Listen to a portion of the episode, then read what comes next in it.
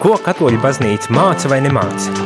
Klausies priesteru katehēzi katru darba dienas rītu pulksteni 9 vai atkārtojumā 11. vakarā. Labrīt, rādījuma arī klausītāji. Kā tikko dzirdējām, ir pulkstenis 9 un ir priestera katehēze. Un šajā rītā esmu studijā, kā parastu, kā parastu katru rītu studijā, uh, uh, priesteris Jānis un man ir viesis. Priesteris. Priesteris Kārlis Miķelsons. Labrīt. Ļoti jauks. Sirsnīgs paldies, ka piekrita atbraukt uz šeit, lai varētu uh, parunāt un paturpināt tēmu, ko esmu uzsācis šajās priesteru katehēzēs, un tas ir par otro Vatikānu koncilu vai par koncilā dokumentiem.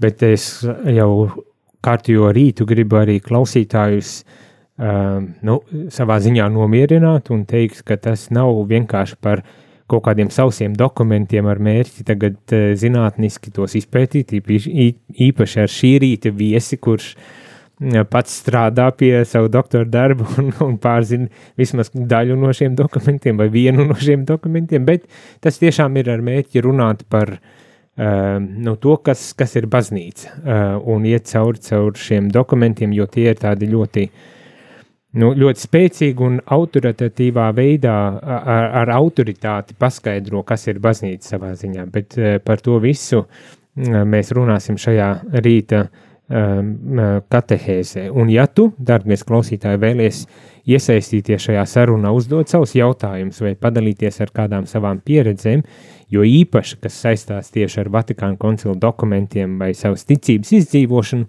tad tu to vari ļoti e, droši arī darīt, rakstot īsiņas studijā uz telefonu numuru 266 77 272, vai, ja vēlies parunāt ēterā, tā ka dzird visi, tad tu vari e, raks, zvanīt uz telefonu numuru 679 69 131.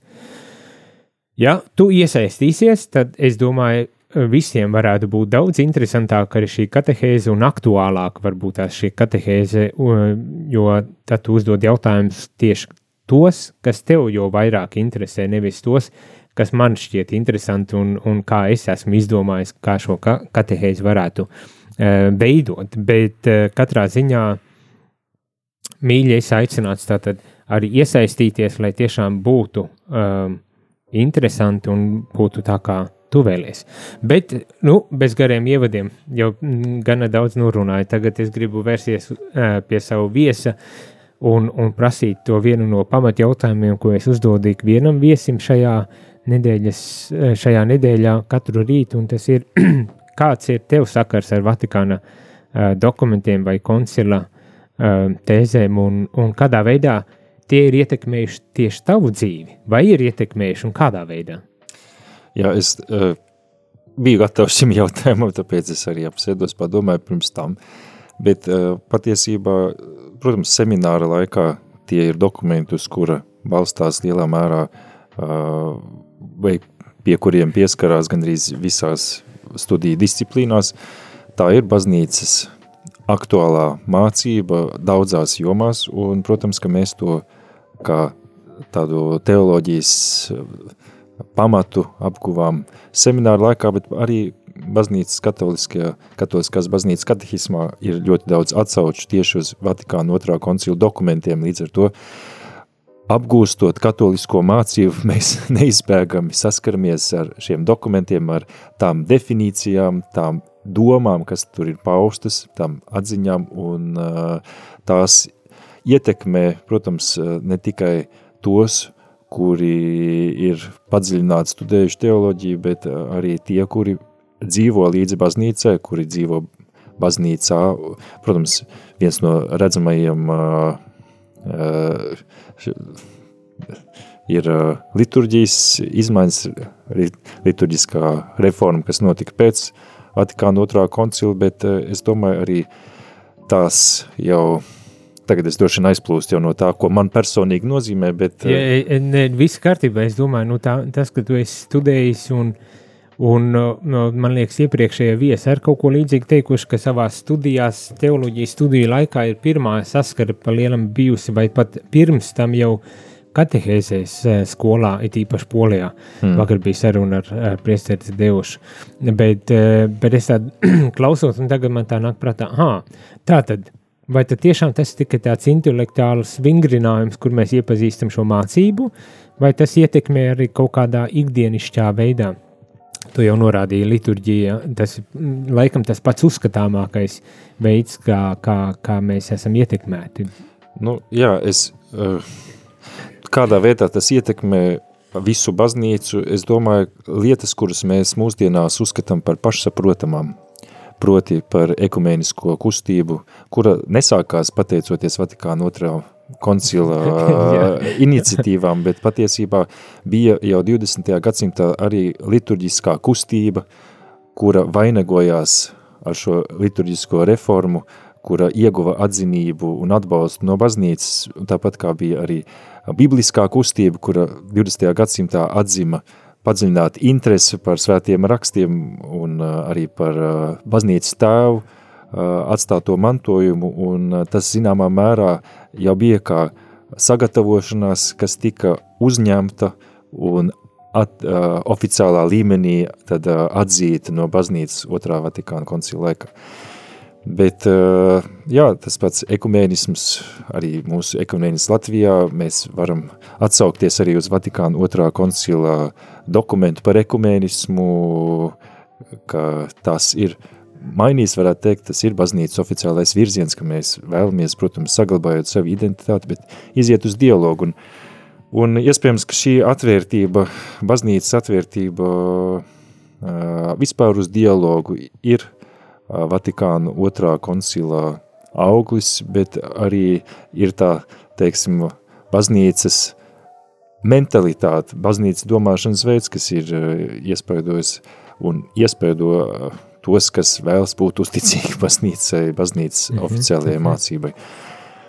Bet, un viens no lielajiem jautājumiem, kur es principā šodien gribu ar tevi aprunāties, dzirdēt no tavas puses ir viedokļi, ir par to, ka, nu, protams, uzskatāmi tā ir liturģija, uh, Bet, jā, ir ekumeniskā kustība, tur ar par laju lomu.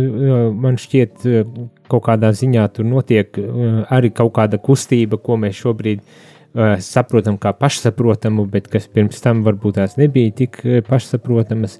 Un daudzas citas lietas, kas tādas ir, bet tas viens no lielajiem jautājumiem, kas man interesē, ir principā, vai to varētu saukt par kaut kādu reformu, ko Vatikāna koncila koncili, e, koncils uztaisīja. Es tā ļoti provokatīvi, protams, šajā brīdī.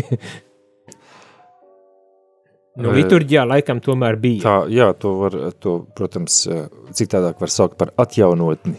Adjornamento itāļu valodā, un uh, uh, tā ir kāda uh, vadīta un saprātīga atjaunotne, bet, bet aplīngus varbūt atbildot uz tavu domu, uh, es izlasīju uh, vēl toreiz kardinālu uh, Karola Vojtīvas ievadu Vatikānu otrā koncila dokumentiem poļu valodā, un,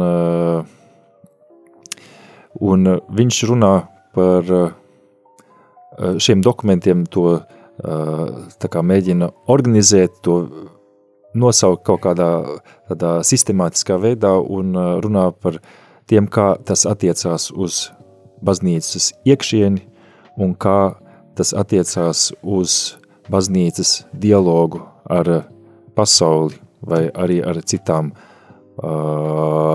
citu kristiešu un vai reliģiju jā. vai pat nekristīgo cilvēku Bet tātad kopienām. dokumenti pa lielam sadalās tādi, kas ir vērsti uz iekš, iekšu baznīcas dzīves eh, kaut kādu organizēšanu un, un, un izpratni, un tad arī uz... Jā, es, es domāju, ka tā, ka tā var, un tas ir arī diezgan populārs iedalījums, tad eklēzija ad intra un eklēzija ad extra, ja baznīca uz iekšieni un baznīca uz ārpusi.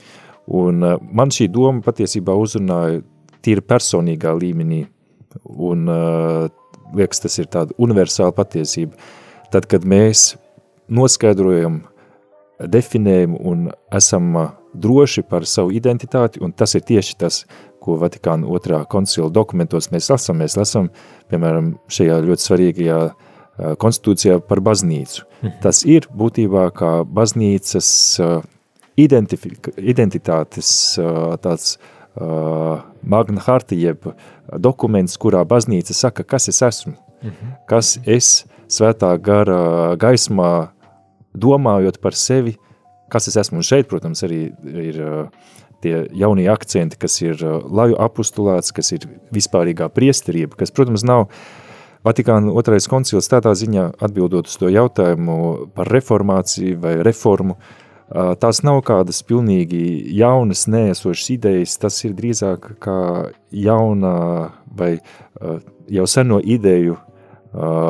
aktualizācija un, un līdz ar to ir šie dokumenti par, par to, kas es esmu kā baznīca, kas ir, es esmu liturģiski, doktrināli, kāda ir mana misija, un tā pašā laikā tad izejot no šīs manas identitātes, es arī dodos dialogā ar uh, citiem kristiešiem, kas nav vienoti pilnībā, līdz, līdz ar to tas dokuments par ekumēnismu, uh, starp reliģija dialogs, dokuments par attiecībām mhm. ar nekristīgām reliģijām, tāpat šis pēdējais dokuments Gaudium et spēs par attiecībām vispār ar pasauli, ar mūsdienu sabiedrību.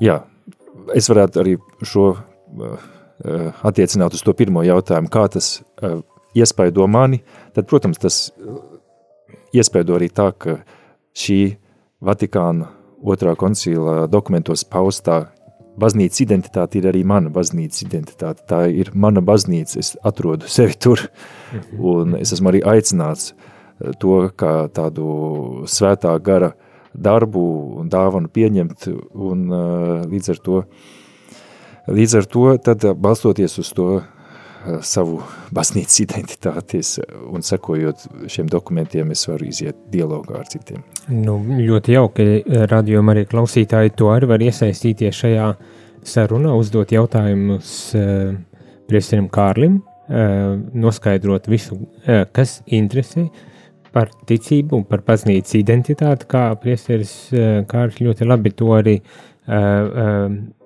pateica, bet pirms tas notiek, mēs aiziesim īsā muzikālā pauzītē, lai pēc tam turpinātu šo sarunu ar tavu iesaistīšanos, ļoti ceru.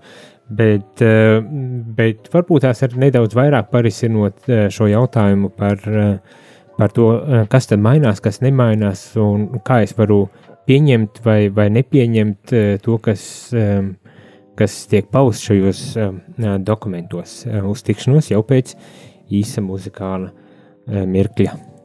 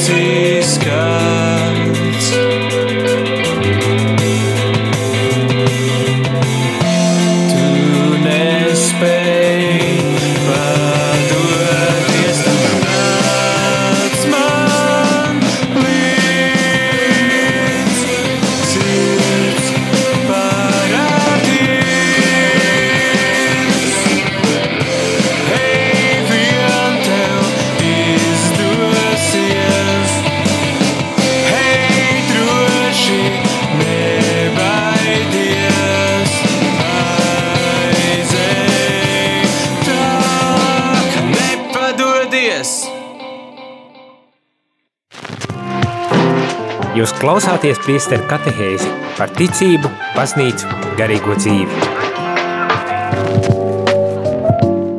Labrīt, rādījumi arī klausītāji. Esam atpakaļ priesteru katehēze. Es, priesteris Jānis un mans viesis. Priesteris Kārlis. Un mēs turpinām sarunu par uh, Vatikāna dokumentiem un, un kā, kā saprast, kā izprast, uh, kāpēc vispār tādi ir un, un, un kādā veidā mums nu, dzīvot ar šiem dokumentiem, vai vispār vajag dzīvot ar šiem dokumentiem. Un, protams, kā katru rītu, arī šajā rītā tu esi aicināts iesaistīties šajā sarunā, lai padarītu katehēzi nu, interesantāku un varbūt tās aktuālāku, te uzdodot savus jautājumus. To, to vari darīt, sūtot īsiņus uz telefona numuru 266, 77, 272 vai zvanīt uz telefona numuru 67, 969, 131 viens. Bet mēs ar priesteru Kārli turpinām eh, sarunu līdz brīdim, kad tu uzvani, protams, un pievēršamies taviem jautājumiem. Pirms muzikālās pauzes uh, uh, sākām runāties par, par to uzdevuto jautājumu, vai tad reforma ir veikta vai nav veikta, un tu saki, adžornamento, kad tā atjaunotne vairāk, tas ir netik daudz reforma un lielā mērā arī tādēļ, ka tiek savā veidā būvēts, veidot visi šie dokumenti jau uz bagāto baznīcas tradīciju, gan atsaucoties, protams, Bībeli, bet arī baznīcas tēviem un, un daudziem citiem gudriem vīriem, gudriem svētiem, droši vien eh, vīriem, un tādā veidā šī baznīcas mācība tiek atkal aktualizēta un atjaunināta, varbūt tās eh, tādā veidā, bet mm. man tik un tā gribas vēl nedaudz uh, uh, provocēt, varbūt tās, un, un prasīt, kā tad ir. Vai tad tiešām nu, nav tā, ka kaut kas var mainīties, un, un, un, un kas tad var mainīties? Vai, vai viss ir tiešām kā akmenī iekals, un, un man ticībā jāpieņem? Nu, vai, vai lasot šos dokumentus, man viss ir jau, jāiz, jāuztver kā tāda uh, mācība, kur ne no burta neatkāpties, vai, vai ir arī kaut kādas eh, iespējas, manevru iespējas, kritikas iespējas un tādas lietas? Jā, nu, mūsdienās baznīcā laikam vienmēr pastāv kritikas iespējas, bet, bet uh, es domāju, ka ir, uh, zinām, hierarhija, kādā veidā ir paustas tās atziņas, proti uh, tās ticības patiesības, kuras uh, nav izdomātas Vatikāna otrā koncila laikā, bet ir vienkārši atkal apstiprinātas un, uh, uh, un, uh, un uh, uzrakstītas uz papīra, tās, protams, paliek saistošas, tāpat kā viņas bija pirms tam, tā pēc tam, piemēram, ir šī konstitūcija par dievišķo atklāsmi, par to, kā mēs redzam, kādā veidā Dievs atklājās cilvēkam, ka tie, protams, ir arī svētie raksti, bet mhm. tā ir vienlīdz arī baznīcas tradīcija, tas, kādā veidā svētais gars darbojas arī koncilos un ir darbojies līdz šim, un tāpat šī harizma, kas ir dota baznīcā bīskapiem, protams, tad arī šīs atziņas par baznīcu, par baznīcu kā Kristus miesu, bet arī kā hierarhiski veidotu, par šiem kalpojumiem dažādiem, kas ir baznīcā. Tas nozīmē, ka ir ticības, teiksim, patiesības par, un ticības, kā mēs sakam, dažādos jautājumos, kuras ir nemainīgas, palikušas arī pirms, tāpat arī pēc Vatikāna otrā koncila, kuras ir tikpat saistošas, kā bija līdz šim. Uh, Uh, ir, protams, uh, ir uh, paustas arī atziņas tajā pašā dialogā ar pasauli, piemēram, vai uh, arī uh, tas uh, dokuments īsais par, par šiem um, komunikācijas līdzekļiem, un, un tagad es, man būs grūti ieiet detaļās pateikt kādu piemēru, bet, bet skaidrs, ka tas ir nu, pavisam cita rakstura, tas ir virziena parādīšana baznīcai, kā baznīca globāli pieeja dažādām tēmām, bet tur jau par detaļām var diskutēt. Tāpat, piemēram, nu, eh, varu atgriezties pie liturģijas, piemēram, šis jautājums par latīņu valodu. Tas nebija viennozīmīgs, tur bija dažādas diskusijas, un gal galā tas, kas tika noteikts šajā konstitūcijā par liturģija bija, ka latīņu valoda vēl joprojām paliek baznīcas oficiālā valoda, bet ka dažādās, dažos gadījumos, dažādos apstākļos ticīgo labumam var atļaut arī tautas valodu. Tas ir tas, kādā uh, līmenī ir uh, apskatīta latīņu valoda liturģijā. Tas, kā tas izvērtās pēc tam, uh, liturģiskās reformas gaitā, kad Nacionālās baznīcas ātri vien saprata, ka viņas vēlas visu savā valodā, un ka ticīgo labums pieprasa to, lai patiesībā nevis tikai daļas, bet, bet visa liturģija tiktu, un, un tā bija, varētu teikt, arī tāda universālā in, uh, intuīcija uh, vietējās baznīcās, tad, uh, tad varam redzēt, ka tas kā kaut kas ir piefiksēts un pausts šajos Vatikāna otrā koncila dokumentos, tad pēc tam ir iegūst kaut kādu varbūt citu mm -hmm. izskatu pēc tam. Bet tas principā nozīmē tā, ka nu, tajā, tajos dokumentos paustais viņiem var būt arī nu, tāds nemainīgais saturs, bet vienlaiks arī kaut kas tomēr, kas mainās. Nu, liturģijā jau arī Es jau varbūt tās vienkāršo, bet tas, kurā brīdī mēs nometamies ceļos, eh, kurā pieceļamies, kā rokas turam un, un Jā, tas, un protams, nav lietas. noteikts, eh, un koncils arī to neuzskatīja par savu uzdevumu noteikt kaut kādas tik konkrētas. Eh, koncils patiesībā vienojās par kaut kādām, par virzību, par tādām universālām vadlīnijām, Mhm. Bet tas, kā jau tas konkrēti izskatīsies baznīcas dzīvē, tas tika atstāts pēc tam at, attiecīgajām mhm. instancēm, atbildīgajiem. Un, un, Bet būtība no tā tik un tā nemainās. Ne? Būtība nemainās, un, un, un, protams, ka mēs vēl joprojām atsaucamies uz, uz baznīcu, uz Vatikāna otrā koncila dokumentiem kā vadlīnijām, mm -hmm. kā mhm. tādiem ceļa uh, virziena rādītājiem. Mhm. Bet eh, tad mums vajadzētu iet, un es domāju, ka ja tu turpināsi katehēžu ciklu, ciklu par uh, Vatikāna otrā koncila dokumentiem, tad tur jau, kad būs konkrētās tēmas, tur varēs arī redzēt, kā kaut kādas konkrētas atziņas vai domas, kas ir paustas dokumentos, vai viņas ir īstenojušās tādā veidā, kā viņas ir piefiksētas tur baznīcas dzīvē, vai ir izrādījies tomēr, ka, ka tā, uh, nu, interpretācija. Ka tā dota. interpretācija, jā, ka, ka, ka, ka viņi atšķirās un ka, un ka tas ir bijis kaut, nu, tā teikt, mainīgais elements šajos dokumentos, mm -hmm. ne, un, par kuru pēc tam ir baznīca turpinājis domāt un, un to mm -hmm. ir -hmm. mazliet tā kā ievirzījusi citā kultūrā. Un, un mm, plāns šajās katehēzēs tieši tāds arī ir, principā tagad tādu ļoti vispārīgi šai nedēļā, ieskatu gūt eh, par, par Vatikānu koncilu dokumentiem, kādus jautājumus apspriest, bet uh, mēs iesim visiem dokumentiem cauri un varbūt tās arī tematiski, ne jau tā, ka viņus lasīsim, bet tematiski tad mēģināt apspriest, tā, apspriest tās tēmas, kas izrietēs tieši no šiem dokumentiem vienu pēc otra. Būs, protams, arī par liturģijas uh, dokumentu uh, arī tāda pati katehēze, varbūt tās tad arī varēšu aicināt vēlreiz uz kādu sarunu, piedošanu. Labprāt. Bet uh,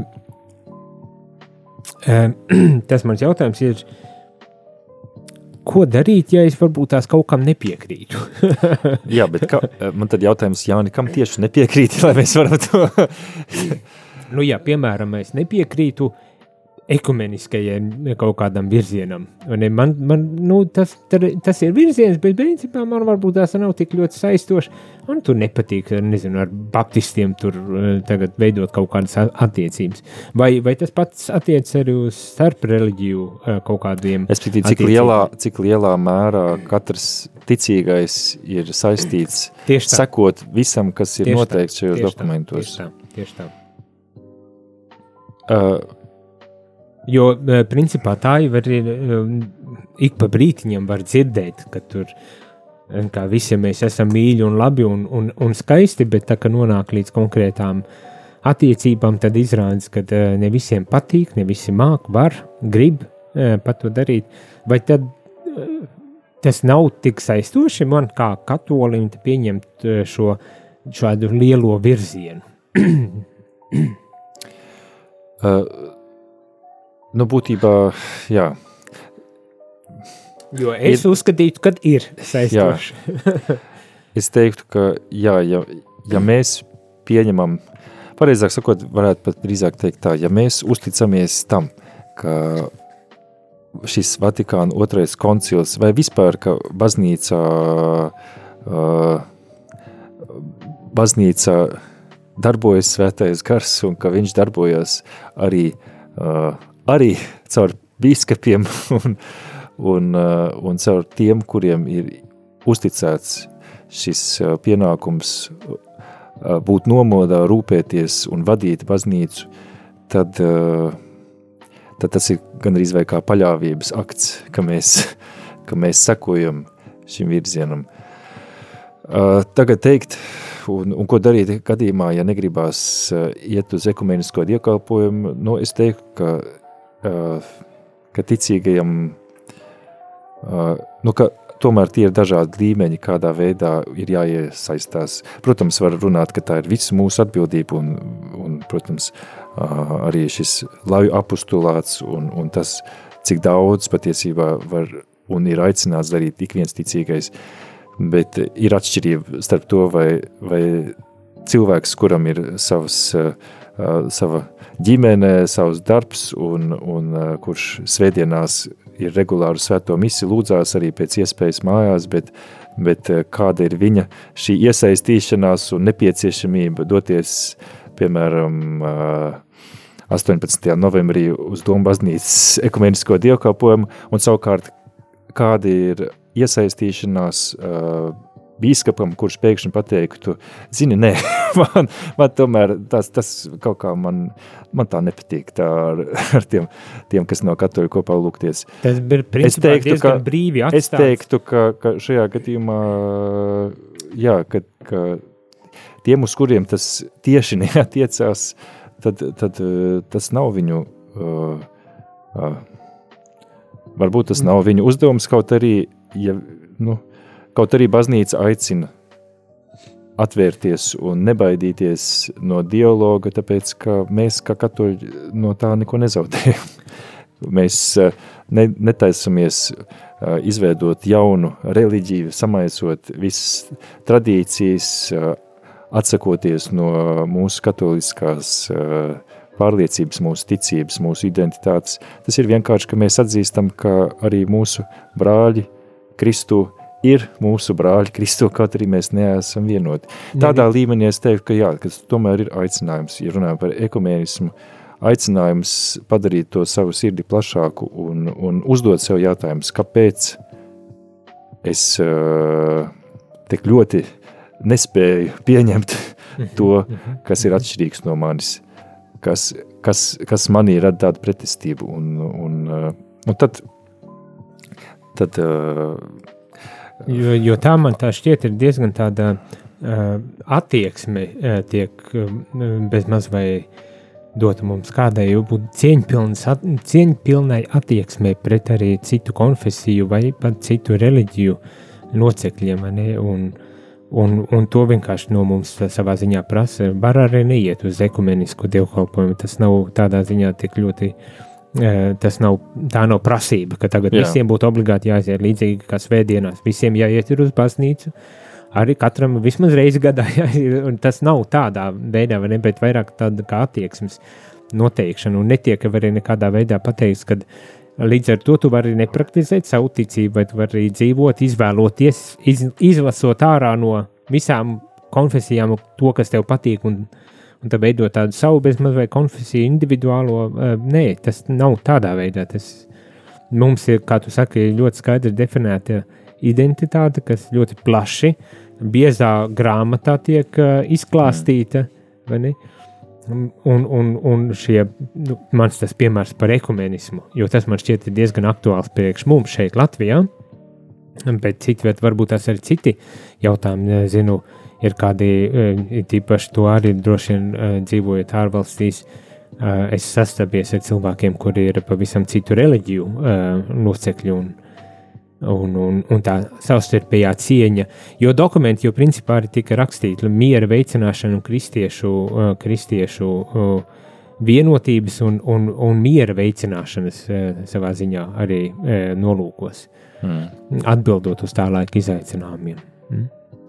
Jā, nu, personas cieņa patiesībā un persona kā tāda, jebkura persona, cilvēks kā tāds, tas ir viens no tādiem Vatikāna otrā koncila uh, arī akcentiem, kas ir būtiski, ka cilvēkam, jebkuram cilvēkam pienākās, uh, pie, pienākās cieņa par to vien, ka viņš ir -hmm. cilvēks, ka mm -hmm. viņš ir persona, neatkarīgi no viņa reliģijas vai, vai konfesionālās piedarības. Nu, burvīgi. E, Radījumā arī klausītāji aiziesim e, atkal muzikālā pauzītē, lai pēc brīža atgrieztos un turpinātu šo sarunu. Ja tev ir kādi jautājumi un intereses, ko tu vēlies noskaidrot šajā brīdī, tad to tu vari darīt e, zvanot vai rakstot īziņas. Bet, nu, tiekamies jau pēc mazas pauzītes. Did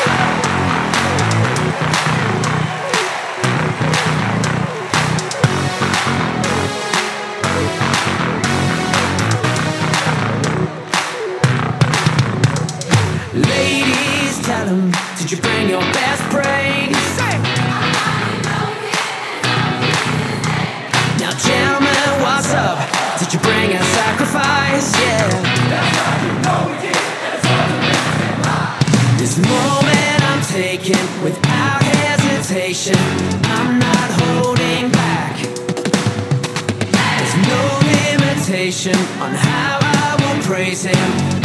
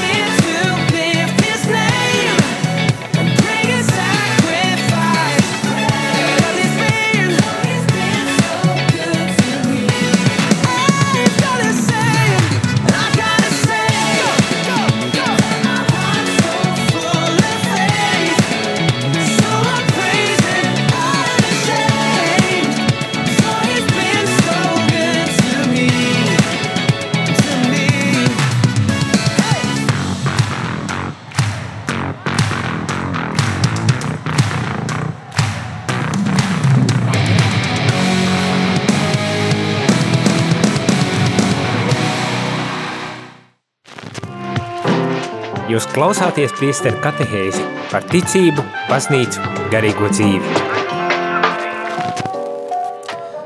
Labrīt, rādījumā arī klausītāji, esam atpakaļ studijā. Es, priesteris Jānis Meļņikovs un mans viesis. Priesteris Kārlis. Un, protams, tu, radioaparāta otrā pusē, vai arī telefona apā otrajā pusē, esi kopā ar mums šajā brīdī. Vismaz es tā ļoti ceru. Un, ja tu esi, tad dod ziņu ar savu jautājumu vai telefonu zvanu. Jautājumus un telefonu zvanus. Telefonu zvanu tu vari izdarīt pa telefonu numuru 679, 69, 131. Droši nebaidies, ja vēlies runāt ēterā tā, ka visi cilvēki dzird. Bet, ja eh, esi nedaudz kautrīgāks un, un tomēr vēlies iesaistīties ar savu jautājumu, tad to tu vari darīt rakstot uz telefonu numuru 266 77 272. Gaidām tavas ziņas, tavus jautājumus, eh, varbūt tas arī eh, padalīšanos ar kaut kādu savu refleksiju, ja tev tāda ir, tādējādi padarot arī šo katehēzi varbūt tās interesantāku, aktuālāku, kā es eh, jau vairāk kārt saku, aktuālāku arī tieši uzdodot tos jautājumus, kas tev varbūt tās ir daudz saistošāki.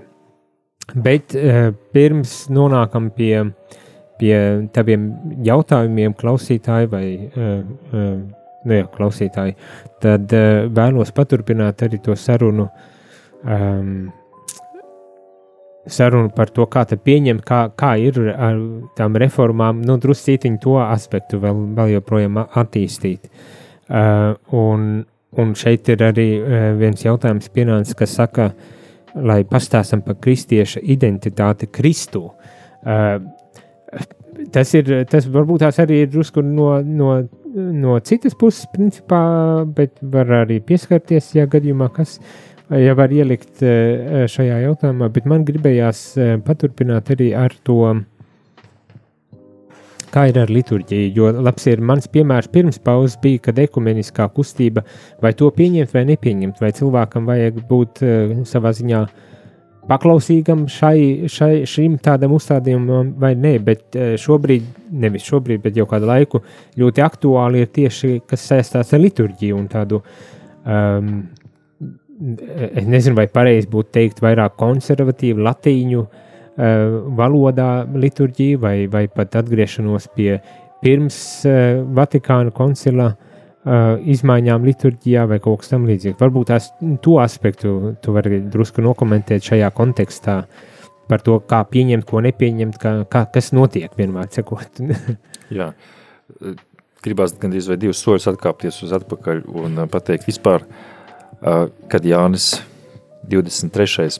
pāvests, kurš sasauc koncilu, runāja par to, kāds šis koncils būs, kas būs tās galvenās tēmas, viņš uzsver, ka šis būs pastorāls koncils, jeb nevis jaunas patiesības, bet gan vecās patiesības jaunā veidā.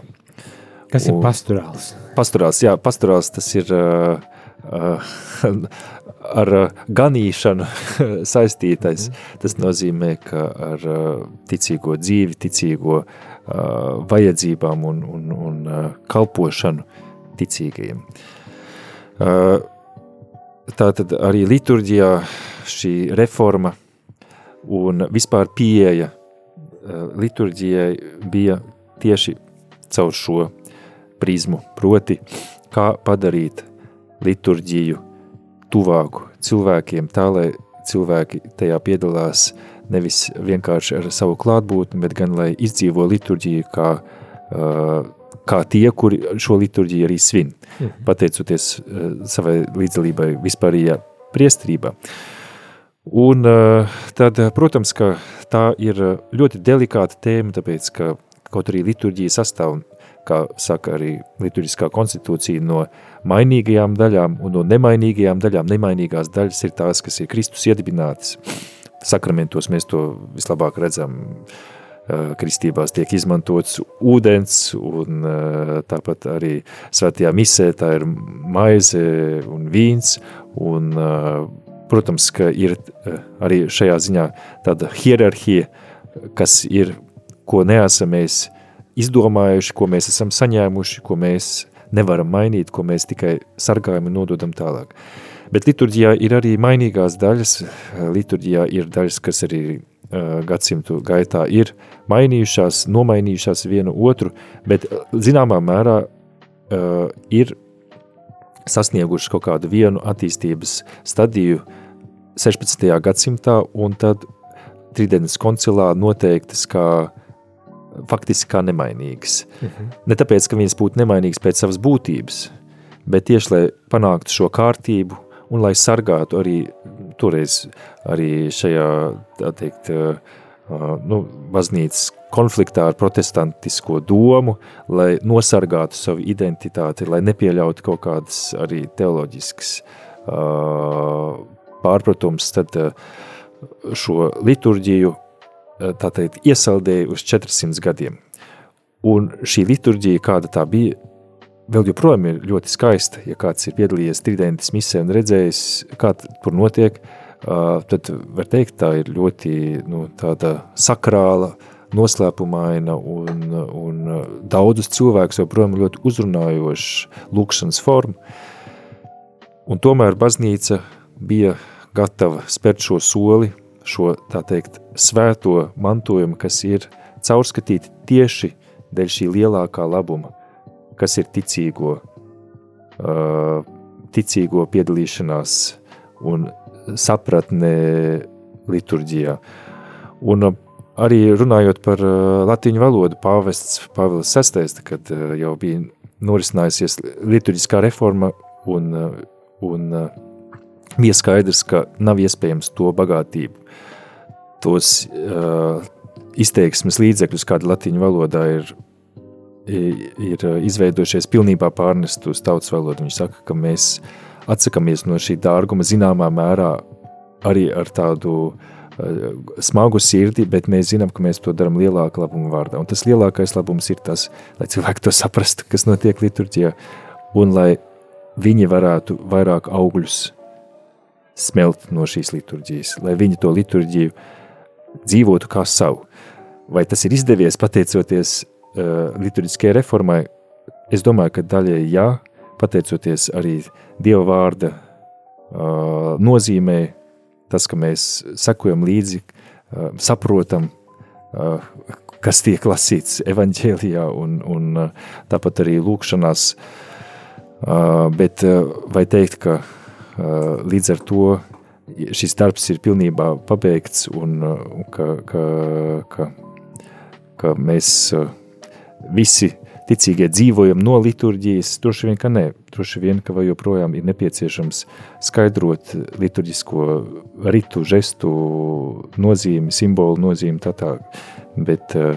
Tā ir tāda ļoti cilvēciskā attieksme, ne, kad uh, vai tev nepatīk, vai vēl kaut kādā veidā neuztver, nesaproti, nepieņemami šķiet, un, un tu tāds apšaubīt. Mēs bieži vien, es domāju, ka bieži vien atturamies arī pie, varbūt liekas banāli, bet pie gaumes, jo patiešām arī tad, kad runāju par liturģisko mūziku, mūziku liturģijā, tur bija ļoti dažādi viedokļi arī, lai uzrakstītu šo dokumentu, tur ekspertu domas dalījās, Un to mēs redzam, ka arī draudzē ir dažādas pieredzes. Ir eh, draudzes, kurās ir uh, lieliski kori, kuri izpilda visu. Ir draudzes savukārt, kurā Latvijā patiesībā no Rīgas draudzēm maz, kur esmu redzējis, zinu, ka Terēzes draudzē tā ir, kur uh, tauta, ja ticīgie dzied kopā, kā panākt šo uh, harmoniju, balansu starp abām šīm līdzdalības formām, caur klausīšanos un caur uh, aktīvu dziedāšanu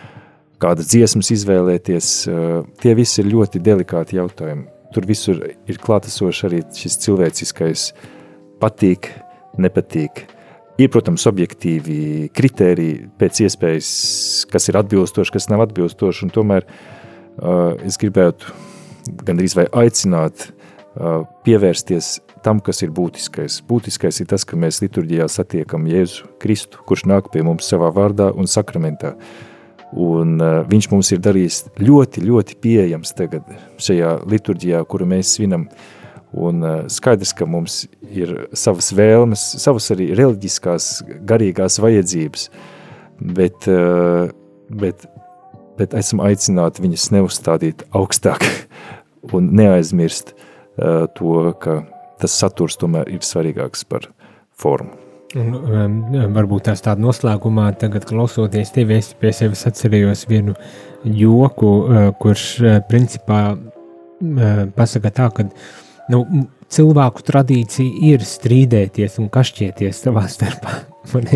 un tas, tas nenozīmē, ka uh, nav šī patiesība un ka mums nevajag arī uh, meklēt šo patiesību un dzīvot un mēģināt sadzīvot uh, kaut kādā veidā kopā. Tā kā, ja gadījumā uh, sanāk tā, ka mēs, mēs šaubāmies, kritizējam vai, vai, vai pat žēlojamies un, un, un, un sūdzāmies, tad tomēr jāpaturprātā, ka uh, svētais gars darbojies ir caur šo baznīcu tādu uh, vienotības izpausmu Vatikānu koncilā un arī šajos dokumentos, un kad uh, varbūt tas ir vērts iedziļināties pirms tiek kaut kas noraidīts vai noliegts. Bet Es teikšu, laikam, šajā rītā sirsnīgs paldies, ka atradi laiku, ka varējām parunāties, un tev radio klausītāji par to, ka uh, klausījies šo, uh, šo rītu katehēzi. Uh, uz tikšanos jau pavisam drīz, tas ir uh, jau rīt no rīta, jau nākošajā katehēzē, kad uh, turpināsim, mēģināsim aizvien padziļināt uh, vispārīgi, vispirmām kārtām vispārīgi uh, izpratni par eh, šo, šiem dokumentiem un koncilu un tā ietekmi uz mūsu mm, dzīvi. Paldies! Jā, paldies un priecīgu un svētīgu visiem Marijas dzimšanas dienu. Tiešām svētīgu. Ko katoļu baznīca māca vai nemāca? Klausies priesteru katehēzi katru darba dienas rītu pulksteni 9 vai atkārtojumā 11. vakarā.